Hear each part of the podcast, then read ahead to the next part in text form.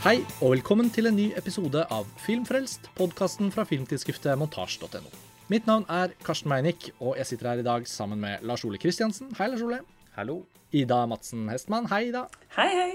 Og Roskva Koretsinski. Hei, Roskva. Hallo. Dette er jo den første litt sånn skikkelige gruppepodkasten, kan vi si, etter sommerferien. Og under koronaens tid så har jo Filmfrelst egentlig vært veldig sånn produktiv podkast, føler vi. At det er veldig mange episoder vi lagde i løpet av vårhalvåret. Og så er det jo litt sånn gøy å komme tilbake igjen nå i full modus inn mot høsten, særlig med tanke på film vi skal snakke om, da. Christopher Nolans nye kinofilm Tenet, som ble en kinofilm omsider etter alle disse utsettelsene, så har altså filmen nå kinopremiere rundt omkring i verden. Og selv om mange land fortsatt sliter med nye utbrudd, eh, second wave og alt det der, så skal den opp på kino de fleste steder, og vil vel sakte, men sikkert være høstens store kinotittel av nye blockbustere, da. Så det setter jo filmen i et litt spesielt eh, perspektiv, men eh, vi behandler den jo som en regulær ny kinofilm, sånn som vi har gjort tidligere. Eh, Christopher Nolans filmer har jo vært tema på podkasten her hver gang de har kommet, så lenge Filmfrelst har eksistert.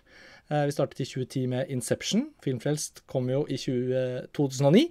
Og så fortsatte vi med Dark Knight Rises og Interstellar og Dunkerque, og nå Tenet. Eh, Lars Ole Roskva, dere var jo begge med da vi snakket om Dunkerque sist.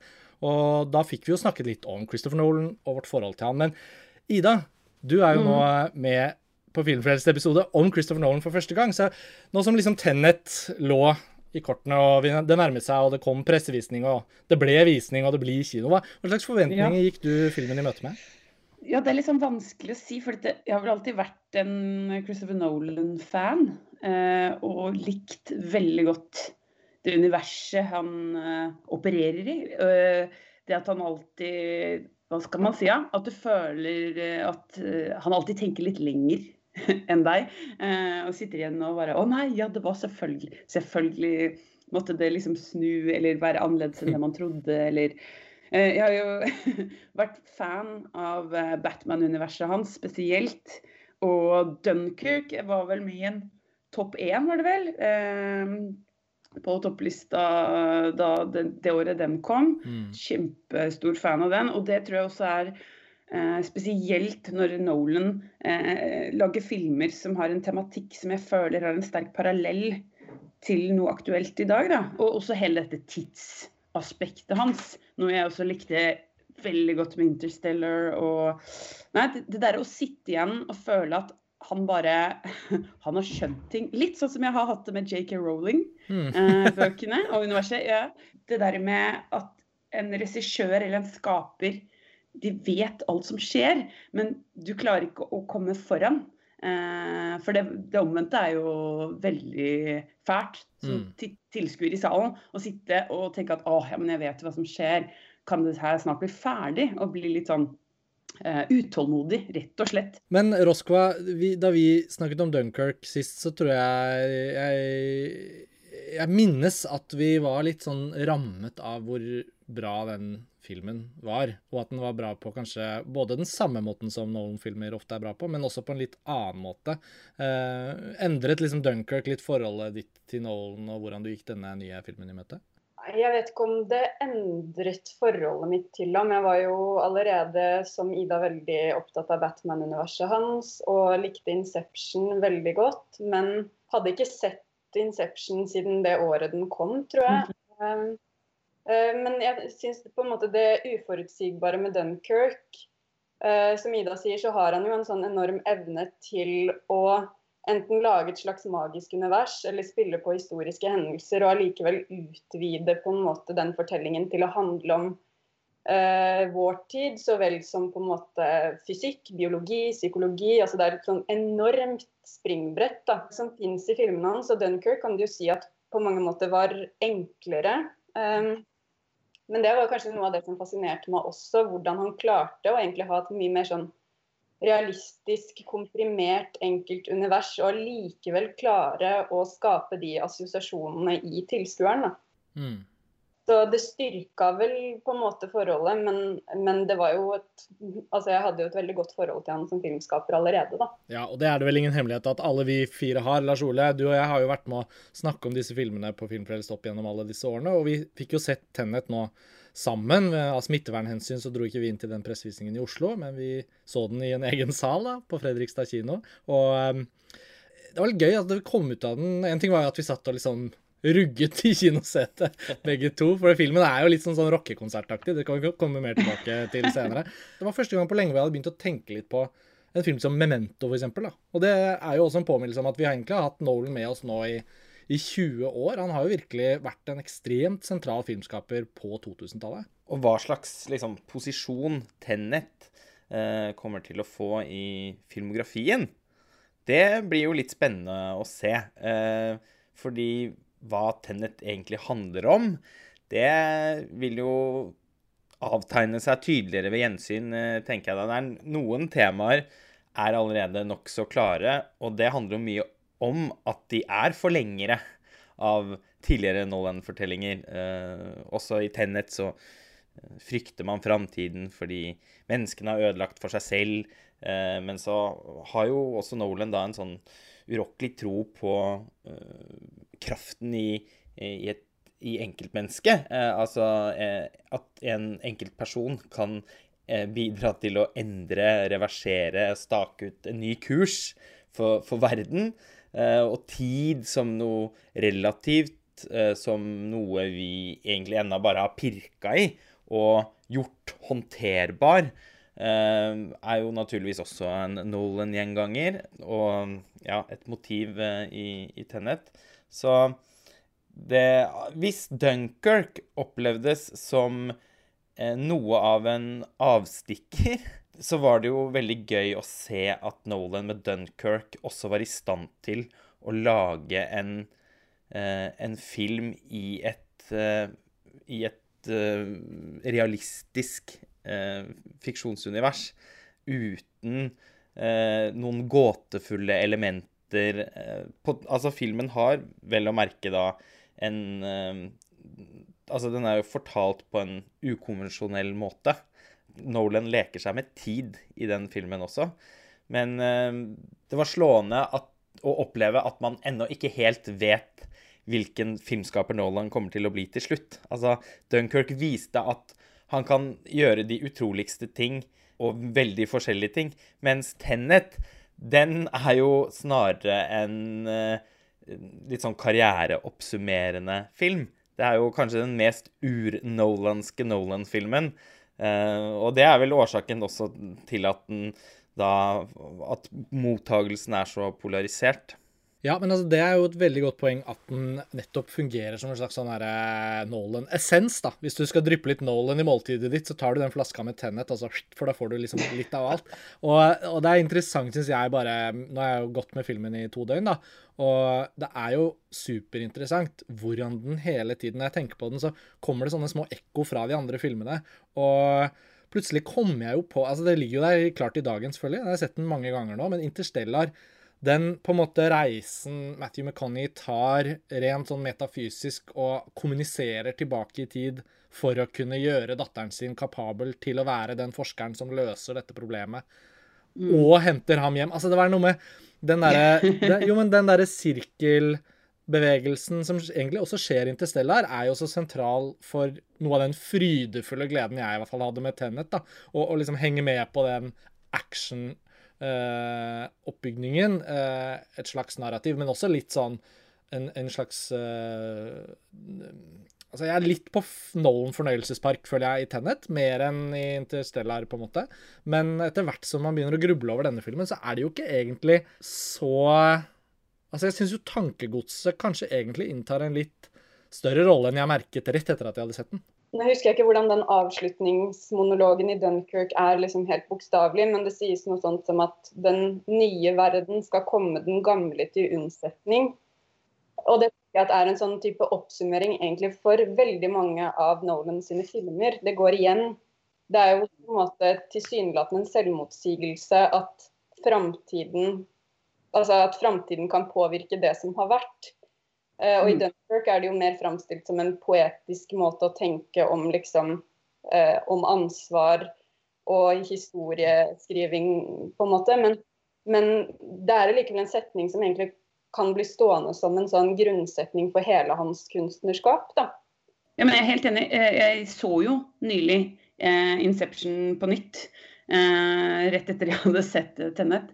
Eh, for jeg tenkte på det. Å, må jeg sammenligne Se litt hvordan eh, Hvordan var denne igjen? Eller var den så bra som jeg trodde? Og hvor lik er den? Fordi jeg Det jeg kan si, var jo at jeg fikk en sterk følelse av at det var litt, sånn, litt Inception blanda med Mad Max Ferry Road og Prisoner of Azkaban. Eh, litt eh, når jeg så Tennet, da.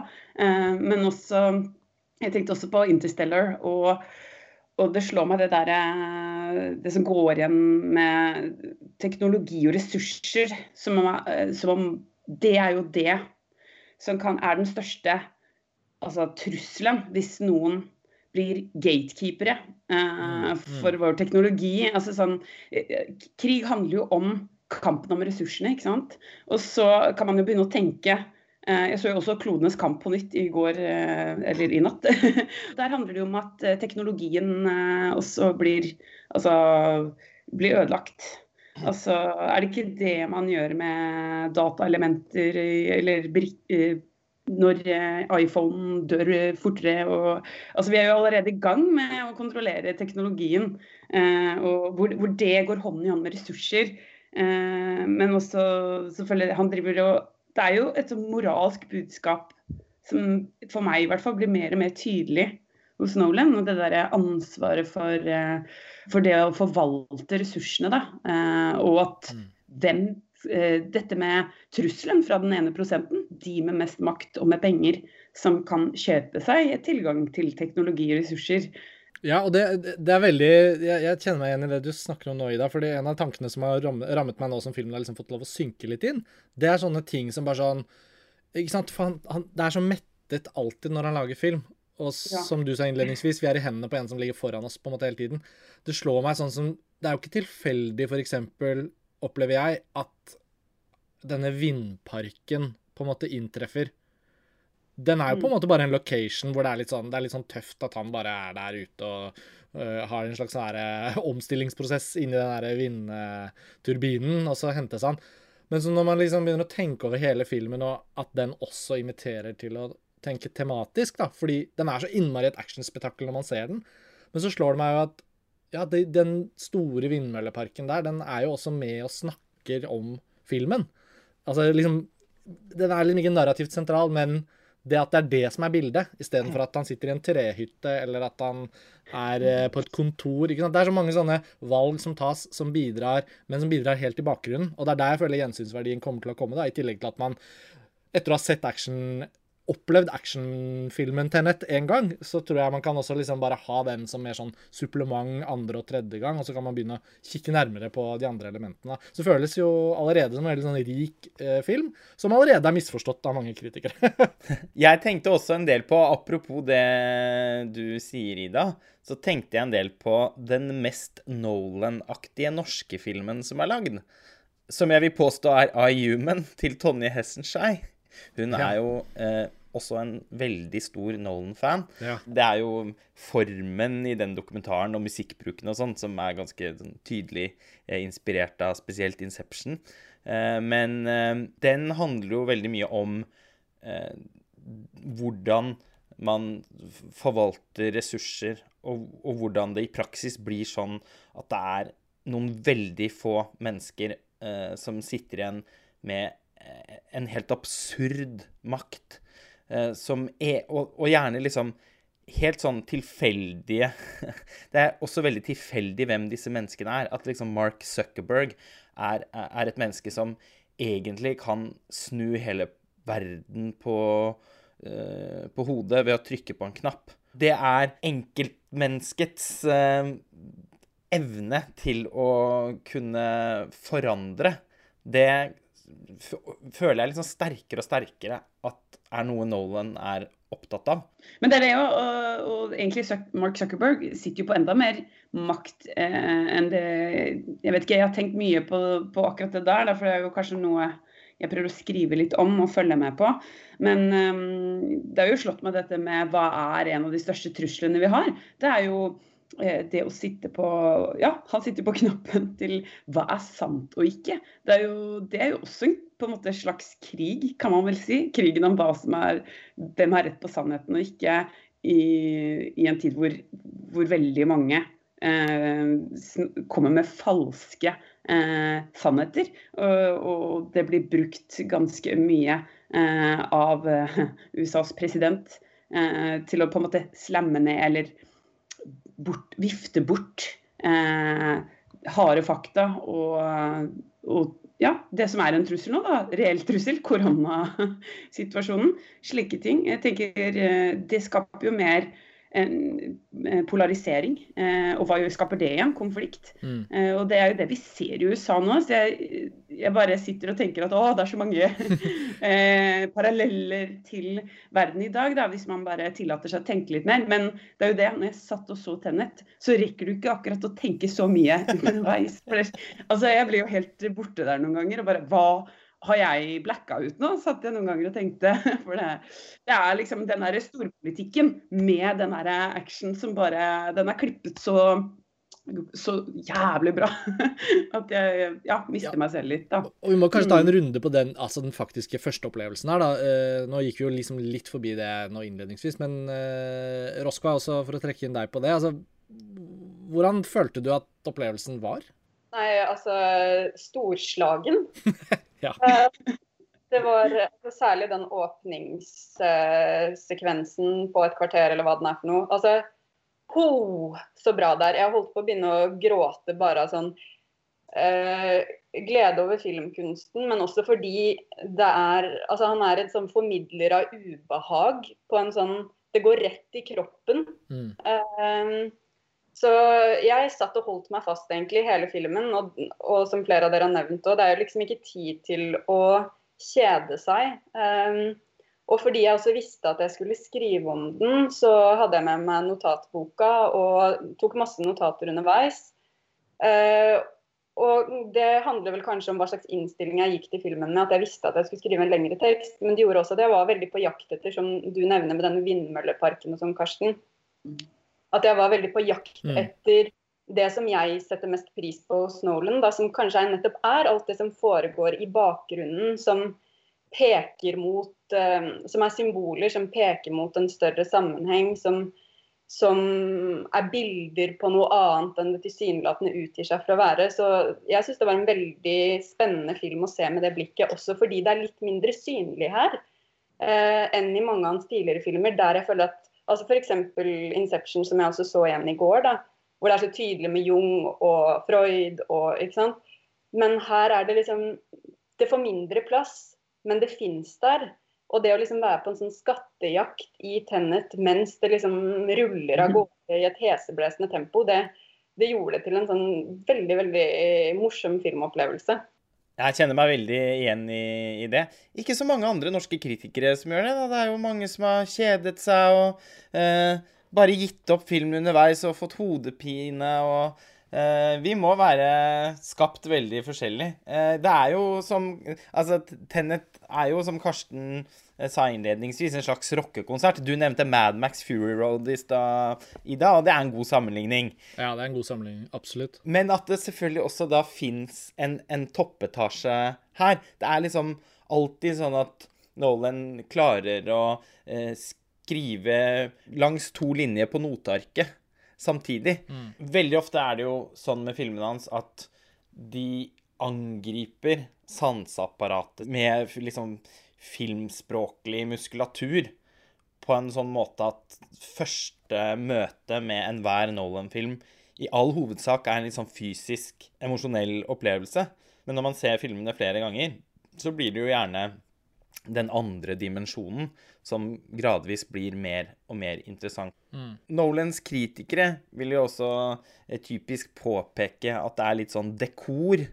Et dryss av noe liksom forsøksvis eh, dypt. Men alltid, når man ser Nolan sine filmer flere ganger og faktisk eh, begynner å legge merke til detaljene og sette i gang en mer sånn aktiv fortolkningsprosess, så opplever jeg alltid at man blir rikt belønnet. Filmene slutter jo ikke å leve, men selv etter mange år og ti gjennomsyn, så har man fortsatt lyst til å vende tilbake for å finne mer. Og det er ganske enestående. Jeg tenker at Dag Søttholt sitt massive analyseverk om Interstellar, det, det, det er jo i seg selv et monument over gjensynsverdien eh, ved Nolan sine filmer, da. Jeg tror at et problem, hvis man skal kalle det det, da, er at veldig mange av oss som skriver filmkritikk, vi kommer fra liksom humaniora, samfunnsfag. Um, da tror jeg det er veldig lett å avskrive det som på en måte litt sånn lettbeint uh, lefling med filosofihistorien eller psykologi eller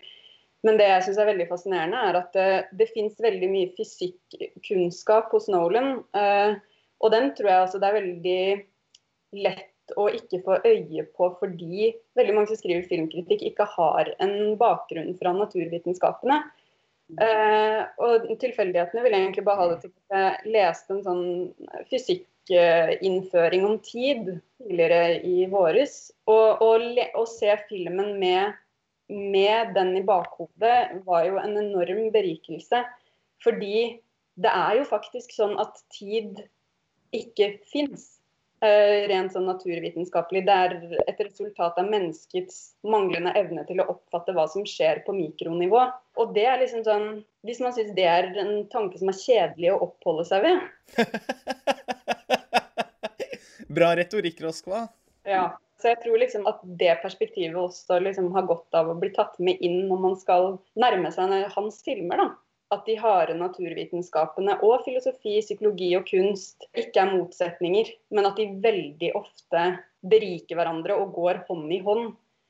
Fordi jeg kan så lite om matte, fysikk, biologi, så har jeg liksom tenkt på det som, som ja, en avfortrylling av virkeligheten. da.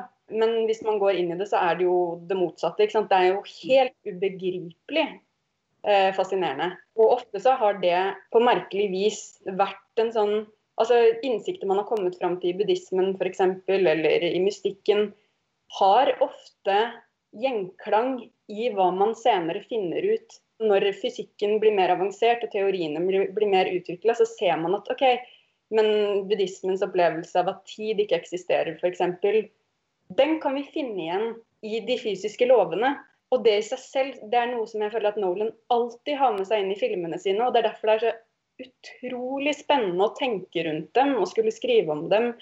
Fordi det er egentlig Det handler om alt. Mm. Hvis man bare begynner å grave, ja. så handler det om på en måte Det handler om alt, da. Mm. Ja, Nolan sine filmer oppleves gjerne litt insisterende, men det er også fordi at de er opptatt av å ha betydning. Altså, jeg føler alltid at Christopher Nolan tar de filmene han lager, og de historiene han velger å fortelle, så på alvor at man umiddelbart kjenner at, liksom, at, at filmene veier i hånden. Apropos åpningen på Tennet, da, som du beskrev i stad, Roskva. Når de terroristene ankommer eh, konserthuset og begynner å liksom sparke i stykker instrumentene til de musikerne som sitter på scenen der så er det ordentlig fælt. det gjør nesten mer inntrykk enn at de hadde begynt å skyte musikerne. For det er vi på en måte i hermetegn vant med på film, men det at de går løs på instrumentene, gjør skikkelig vondt. Nolan sine filmer, selv om de da foregår i La oss si virkelighetsutvidende fiksjonsunivers, så er det ikke sånne aksentuerte liksom-verdener. De er liksom rotfestet i noe som er virkelig. De har liksom en tyngdekraft som jeg opplever at veldig mange andre filmer i liksom samme eh, sjikt da, mangler. Og jeg liker så innmari godt hvordan alt er viktig. Altså liksom alle detaljer avstikkere i fortellingen. Ja, jeg, altså jeg ble rørt av at de gidder. At Nolan gidder alle de enormt talentfulle medskaperne hans. ikke sant? Produksjonsdesign, Nathan Crowley, Hoite van Hoitema, uh, heldigvis også Ludvig Göransson på musikk, det kan vi komme tilbake til. men liksom sånn, Folk har stilt opp på jobb, og de lager på en måte i hermetegn en såkalt tanketom blockbuster, liksom. Men så gidder de å bruke talentet sitt på at den sjangeren også skal mettes, akkurat det vi snakker om nå, med alt det som gjør at noen av oss som elsker actionfilm, kan ta opp denne filmen å vise det kort i en diskusjon og si jo, men actionfilm kan jo være så mettet som Tenet var, eller, eller Mad Max Fury Road var, hvis vi trekker inn George Miller òg. Altså at det, det fins flere filmskapere som, når de først gjør det eh, Men Nolan har jo virkelig gjort det konsistent. da, Og en annen ting jeg tenkte på i stad, bare fordi Batman-trilogien hans er virkelig vanvittig bra, og jeg hadde gjensyn med den i sommer, hele. Og likevel, hvis vi napper den ut, og bare ser på de andre Nolan-filmene, da, så er det også en helt sånn sensasjonell filmografi, egentlig. Og, og ikke minst uh, i all hovedsak en originalfilmografi. Altså, det er bare Insomnia man må ta ut. Og så har man plutselig et forfatterskap av blockbustere som det ikke fins nesten en Det fins jo ikke noe like på 2000-tallet. Så er man heldig når Spielberg lager War of the Worlds, f.eks., eller ikke sant, en av de andre lager et sånt skikkelig eh, Cameron når, hvert tiende år når han lager noe. Mm. Nå blir det vel snart hvert 20. år. Ja, hvert 20. år, så lenge han lever. Men han har jo vært så aktiv òg. Altså, han har jo nesten eh, levert en film i snitt hvert annethvert år Mm. mens han har vært aktiv. Og jeg syns det er helt svimlende. Man, eh, jeg tror mange andre filmskapere hadde sittet og brygget i årevis på noen av de konseptene og historiene til, til Nolan. Men han bare lirer de liksom av seg òg. Tenk at han liksom lagde eh, The Dark Knight og Inception med bare to år imellom. Jeg syns det er helt eh, Altså, det er jo nesten bare Steven Spielberg i sine produktive perioder man kan Ja, han kan jo virkelig, egentlig. ikke sant. Man minnes, da... uh, man minnes da han lagde AI, Minority Report og Catch Me If You Can på halvannet år. Åh, Minority Report, ass. Den er undervurdert. Den har jeg sett det, Jeg tror det sånn tidligere i år, faktisk. Sist. Og den Ja. er- ja, og, men den syns jeg er så mye bedre enn Ja, den holder seg, syns jeg. Og i hvert fall med tanke, ja, og med tanke på at jeg så 'Klodenes kamp' i natt. Den, fa- den Ja, litt for å sammenligne med For en utrolig bra filmmeny du har hatt, Ida. Nå ble jeg imponert. Nå fikk jeg også lyst til å se. Og Lars Ole venter jo på at jeg skal se Minority Report om igjen en gang, enda en gang, og finne ut om jeg klarer å like den. Jeg har alltid hatt et problem med den filmen. Ja, og det har jeg aldri skjønt! Det er vår store, store filmfight. Jeg har lyst til å like den, jeg har lyst, og jeg gir den ikke opp. Nå skal den få en ny sjanse. Den har alt du liker i seg, men så Ja. liker du den ikke likevel. Nei. Det er som om jeg har liksom laget en, en, en, en, en pasta bolognese med alle de riktige ingrediensene, og så serverer jeg den til deg, og så sier du Ja, den smakte ikke i dag. Nei. Det er morsomt. Apropos profetiske science fiction-filmer. Altså, når vi snakker om at ting tåler tidens tann eh, eller ikke, og, og hvordan ting ser annerledes ut eh, ti år etter eh, målt opp og sånn, så er jo den Det er jo virkelig også en, en science fiction-film som oppleves uhyggelig forutseende på veldig mange områder. Ja. Bare for å gå litt mer inn i Tenet, så har vi jo egentlig nå i en halvtime snakket spoilerfritt om filmen. Men jeg hadde litt sånn sett for meg at vi også kunne snakke litt om ting som skjer her. Kanskje dette kunne vært et fint sted å bare gå litt inn i noen eksempler fra filmen, også for å illustrere det vi allerede har sagt. da.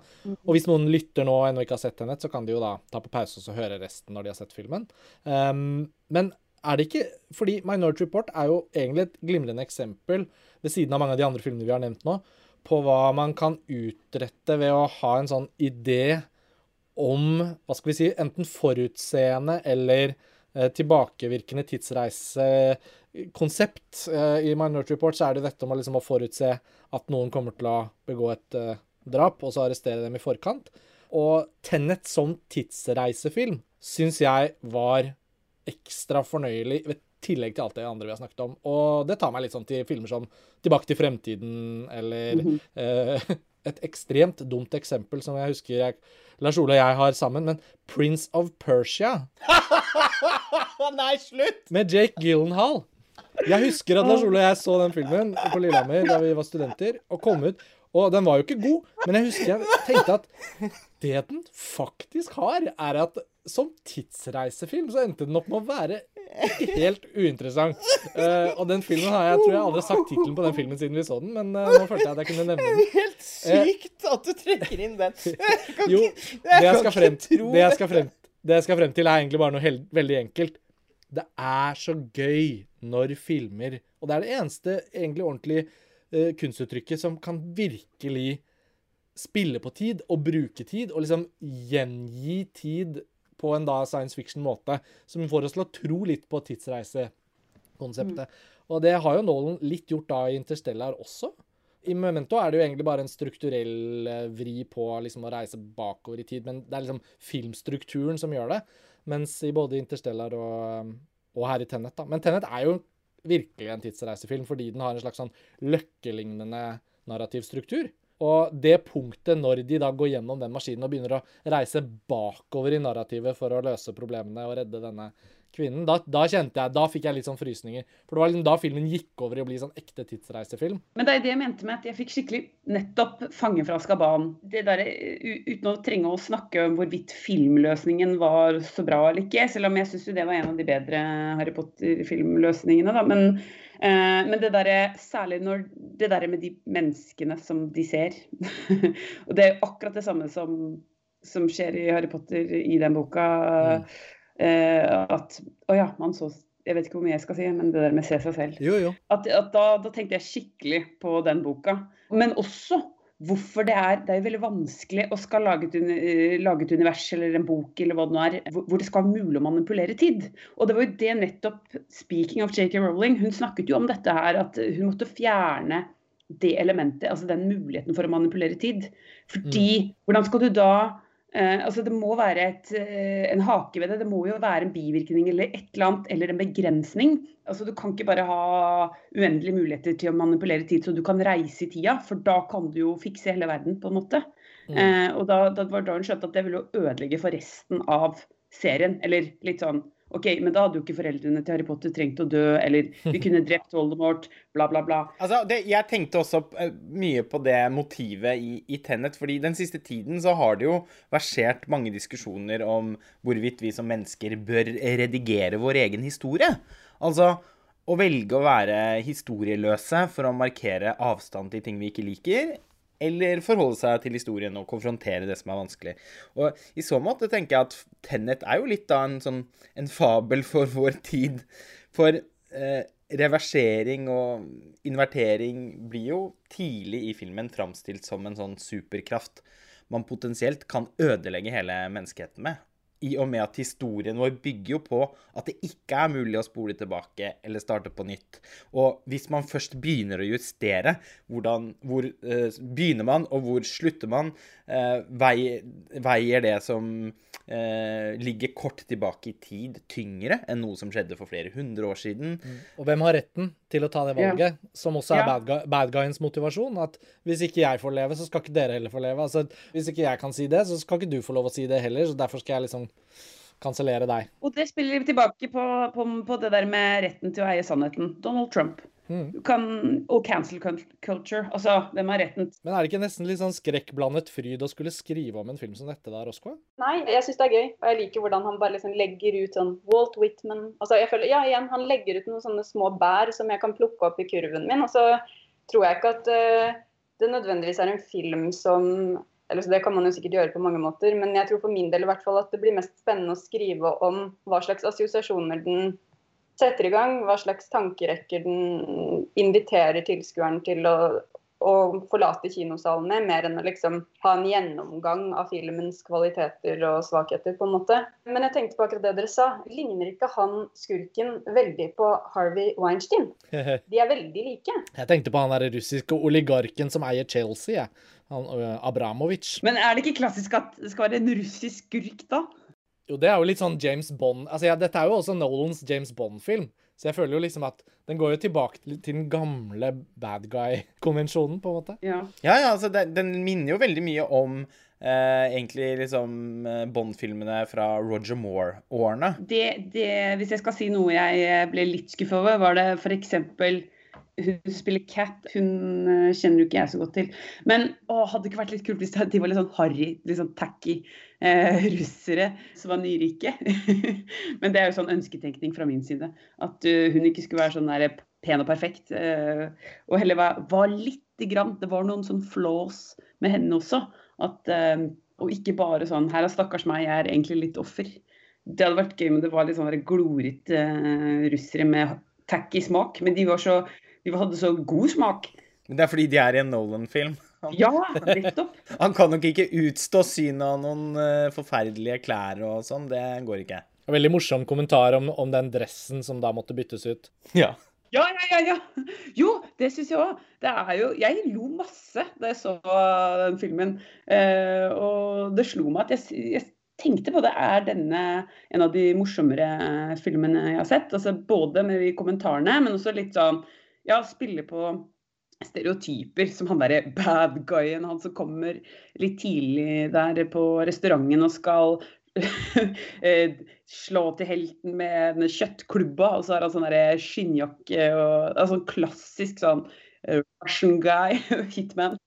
Der oppstår det også en legendarisk bruk av sånn osterivjern. Ja, jeg, jeg, hørte at vi begge hadde en slags OA-effekt eh, inne i kinosalen der, Lars Ole. Ja, det er nok noe av det jeg minst kunne tenkt meg. Å få liksom avrevet biter av kjaken min med en sånn osterive. Ja, jeg, jeg, altså, det er jo helt åpenbart at uh, vi i all hovedsak likte denne filmen veldig godt, men jeg, jeg følte altså at den var den var en sånn skikkelig sånn frydefull uh, kinoopplevelse. Det er ikke alle Nolan-filmene som jeg liksom frydet meg over på samme måten, fordi de ofte, ofte er ganske sånne alvorlige. Men jeg, akkurat det du sier, Ida, her var det mye humor i opplevelsen, på en måte. Det var ikke det at den la opp til å være sånn tullete, for den er jo blodseriøs, på en måte, fra Nolans side. Men det er noe sånn Og jeg syns tidsreiseelementet bidrar veldig til det, da. At han leker seg med oss også. Og at hvis man er med på den leken, ja. så får man den gleden, da. Og det er da sånn terningkast tre fra VG for meg blir sånn Er, det, er, liksom, er vi fra samme planet? Det, det, det, er sånn uforståelig for meg. Men, men. Ja. Jeg syns også det kanskje blir ekstra morsomt for folk som er eh, som bor i Oslo eller eh, ja, eller norske. Uh, kjenne igjen eh, disse stedene de har filmet mm. uh, på. Men også sånn han derre ambulansefyren som sier sånn nei, nei, nei. da lo jeg ganske mye. Altså det der, den gleden jeg Å, der snakker Er han norsk eller ikke? Og om det blir voldsomme mengder norgesturisme av denne filmen, det vet jeg ikke, men uh... Dette er det fineste vi har i Oslo, eller? Barcode og operaen. Ja. Mm. En by støpt i granitt og italiensk marmor. Ja. Med, med, flyplass. Kan noen lage den artikkelen om uh, dette er de mest in, uh, brukte stedene til utenlandske filmer ja. i Norge? Altså Barcode og Operaen. Noe av humoren med Mission Impossible-filmen som filmet på Preikestolen, var jo at når man så filmen, så endte det opp med å være en sånn knaus i Himalaya. Så det hadde jo på en måte ikke noe å si. sånn sett, hvis man er opptatt av at Norge skal liksom forankres geografisk i filmens fiksjonsunivers. Men Oslo og Tallinn ble liksom seirende i Tennet. Jeg, jeg ser for meg nå at folk bare vi må dra til det stedet hvor de har det planleggingsmøtet i tennet. ja, ja. det jeg ser for meg at kanskje blir effekten her, er minimal, men at noen som er på tur til Oslo, ikke tenker over at de er i byen hvor de filmer Tennet, og så ser de operaen i Oslo, og så når de er på taket og oppsøker denne turistattraksjonen, så kommer de på Du, er dette brukt i en film? Jeg mener å huske at Sånn tipper jeg det kommer til å bli. Men uansett, det er gøy at det er Oslo i filmen. Ja. Og så kan de gå baklengs ned operataket for å markere for de andre at jeg, skjønner, altså, jeg kjenner igjen denne locationen fra den filmen. Ja. Jeg tenker vi må kanskje snakke litt om uh, noen favorittsekvenser uh, i filmen. Uh, vi har jo allerede nevnt eh, åpningen, men det er ganske mange andre man kan nevne òg. Den biljakten, for eksempel. Mm, I Tallinn. Langs en motorvei. Mm. Er det ikke flere, eller er det bare fordi vi ser det på nytt? Ja, ikke sant? Ja, den inverterte bilen, som eh, senere blir den ja. sentrale bilen i del to av samme biljakt. Ja, for apropos det å se noe, se noe man har sett forlengs baklengs, så er jo det en sekvens vi på en måte da får servert i to versjoner. Det syns jeg var helt uh, spesielt heftig. Apropos Mad Max Fury Road. Det var noe sånn eh, ja, da, da, var det litt som om filmen hadde rabies, følte jeg. Ja, og det er, og det er liksom I, i nyere actionfilm så fins det liksom to skoler av biljakt. Og den ene er jo på en måte lei, og den andre er gøy. Og fysisk biljakt er gøy. Mm. Når det er biler som er filmet, som kjører fort, og gjerne da ideer om at ting skal liksom transportere fra den ene bilen til den andre i fart og sånn.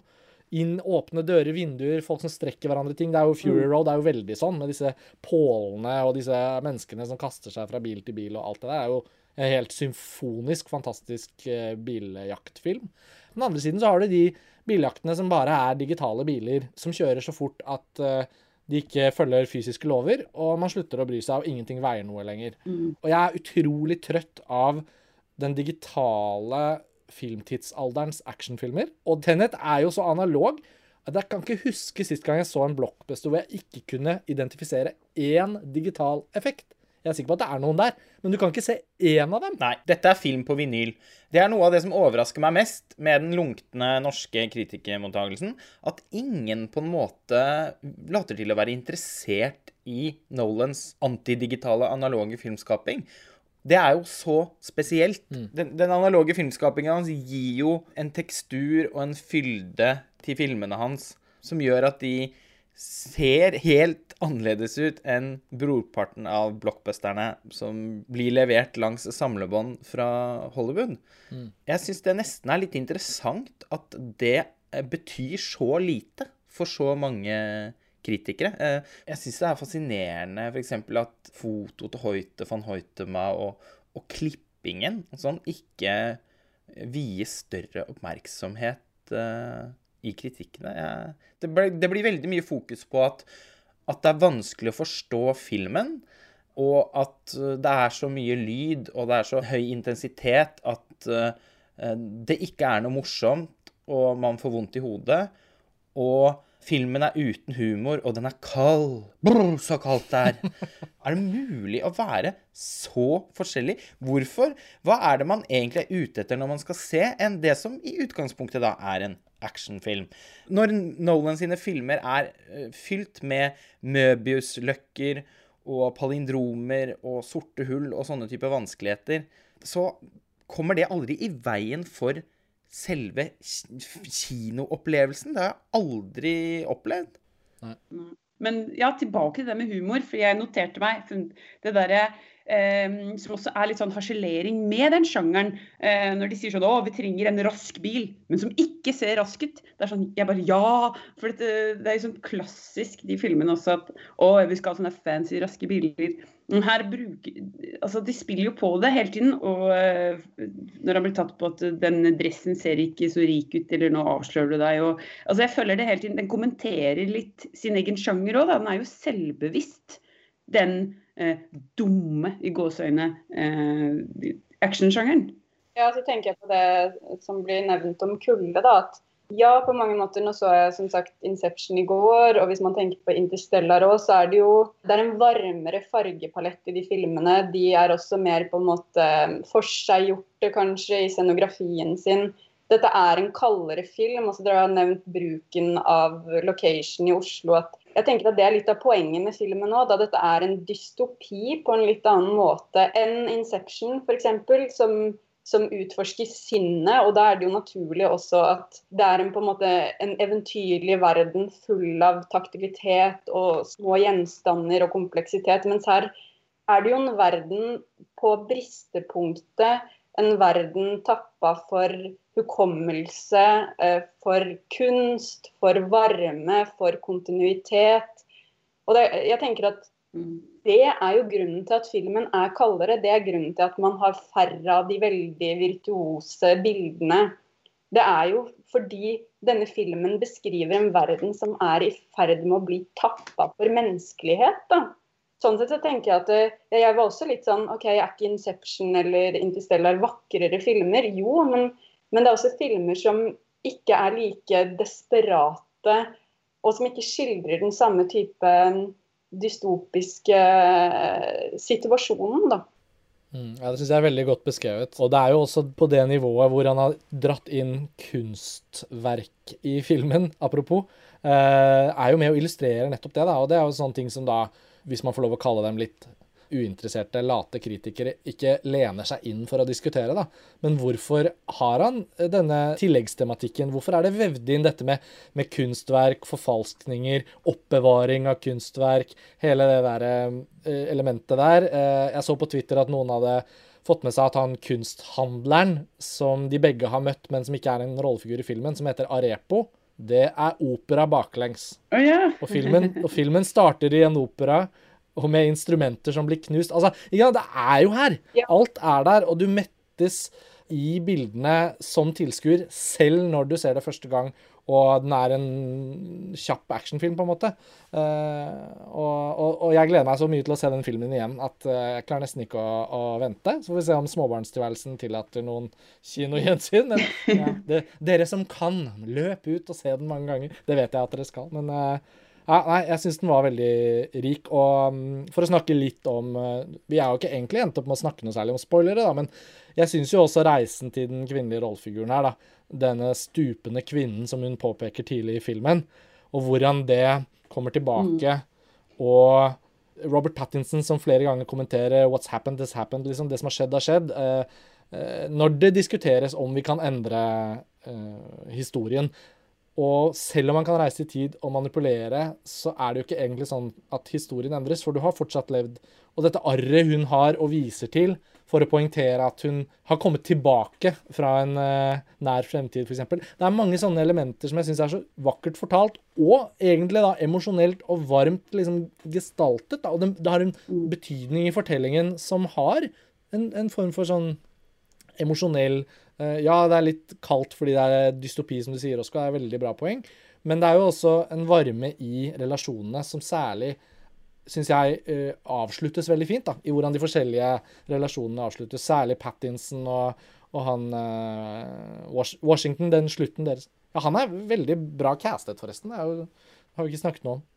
Ja, jeg tenkte det. Det er jo sånn i Black Clansman, så jeg syns jo han var Eh, ganske morsom da, så vidt jeg husker. Nå er det jo en stund siden jeg så den. Men jeg syns han passer skikkelig bra inn i den rollen. Nettopp litt det der når jeg snakker om hva jeg syns er litt morsomt og sånn. Jeg syns mm. det funker. Eh, det er ikke sånn platt Altså, James Bond klarer aldri å være morsom. Daniel Craig har slitt litt med det. det er vanskelig å være kjekk helt som gjør alt riktig, og også være morsom. Det er jo dritvanskelig. Eh, den perfekte soldat er aldri morsom. Ikke sant? The Rock er ikke morsom. Eller han er på en måte Han er ganske morsom, da. eh, men ja, jeg syns man må trekke fram han. Også, men også eh, hun som har klippet filmen, Jennifer Lame. Ja. Eh, hun har jo klippet Hereditary og Marriage Story og Frances Ha. Så eh, nei, bare synes det er morsomt å, å, sjekke og ta en uh, lite søk på hun, og så se eh, hva hun har gjort før. Men hun har vel ikke klippet noen av Nei. Nolans filmer før. Det er ny klipper denne gangen, og hun er jo en utsøkt bra klipper av de filmene du nevner. og, og ja, det er bare gøy å se henne jobbe på denne typen sjanger og være like bra. Vi kommer jo til å snakke mye om denne filmen i fortsettelsen også. Eh, Roskva, du skal jo skrive om den, så vi har jo en tekst fra deg etter hvert på montasje. Og Omtalen til Tor Joakim Haga, vår gode kollega som ofte er på Filmfrelst, den er ute på montasje nå. Han eh, ikke like, var ikke like fornøyd med filmen som oss, men han skriver jo veldig mye om nettopp forholdet mellom sin forventning og opplevelsen i seg selv. Og jeg tipper han også kommer til å se den flere enn én en gang. Lars Ole, er det noen avsluttende, bevingende ord du har lyst til å komme med? Nei, jeg hadde egentlig bare tenkt til å spørre Roskva om en ting. Hva, hva tenkte du om liksom castingen? Fordi jeg syns det var veldig forfriskende at det var ganske mange liksom nokså lite kjente fjes i filmen. Jeg er helt enig, og jeg tenkte litt på det Ida sa i stad om at hun ønsket seg noe litt mer sånn slarvete russiske oligarktyper. Mm. Eh, særlig når det gjelder hun Cat. Men jeg tenker at castingen av henne er veldig god fordi sånn jeg leser filmen, i hvert fall, så er jo hun mer enn å være en person, så er hun et bilde på det som forbinder oss til historien. til Altså, hun er denne kunstkjenneren, hun er opptatt av Goya. Hun har et veldig sånn Altså det man kaller tidløs skjønnhet, da. Og hun, hun kler seg altså, på en nesten sånn viktoriansk måte. Og jeg tenker at hun er der som et bilde på hukommelse, på historiebevissthet, på uh, ivaretagelse av tradisjon og arv alle de tingene der. Eh, så jeg syns hun var fantastisk uh, casta, egentlig. Mye pga. hvordan hun ser ut også. Hun så jo ut som en svane. Ja. Elizabeth the Bicky. Og så er hun vel to meter høy eller noe sånt? Ja. 1,91. 1,91, ja. ja. Roskva har gjort research. Det har kommet meg for øre også at hun da skal spille prinsesse Diana i, neste, i de to neste sesongene av The Crown. Ja. Ja. Da er det mange krakker på innspillingen, som de andre skuespillerne må stå på. da. OK, men skal vi, skal, skal vi, prøve å avslutte der, da? Jeg, jeg, det er mange ting vi kunne fortsatt med nå, men, um, men, kanskje det er fint å disiplinere oss litt. Og så, så returnerer vi jo uh, garantert til denne i forskjellige former. Uh, vi kan vel allerede spå at den årslistepodkasten i januar-februar, kan vel Det blir jo en veldig kort podkast, så Koronaåret oppsummert. Ja, de filmene vi kunne se på kino. Så. Og så kom jo Tennet, da. Nei, men eh, kjære lyttere, vær gode på smittevern. eh, gjør alt folk sier, men gå for all del på kino og se Tennet. Se den i 4D. Ja, det vil dere ikke angre på. Er vår da, spådom. Lars Ole, Ida Roskva, takk for nå. Det var hyggelig å prate om denne filmen. Jeg gleder meg til å fortsette med det.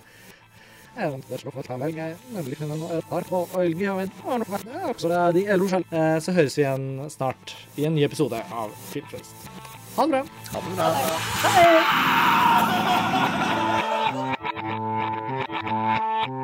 det.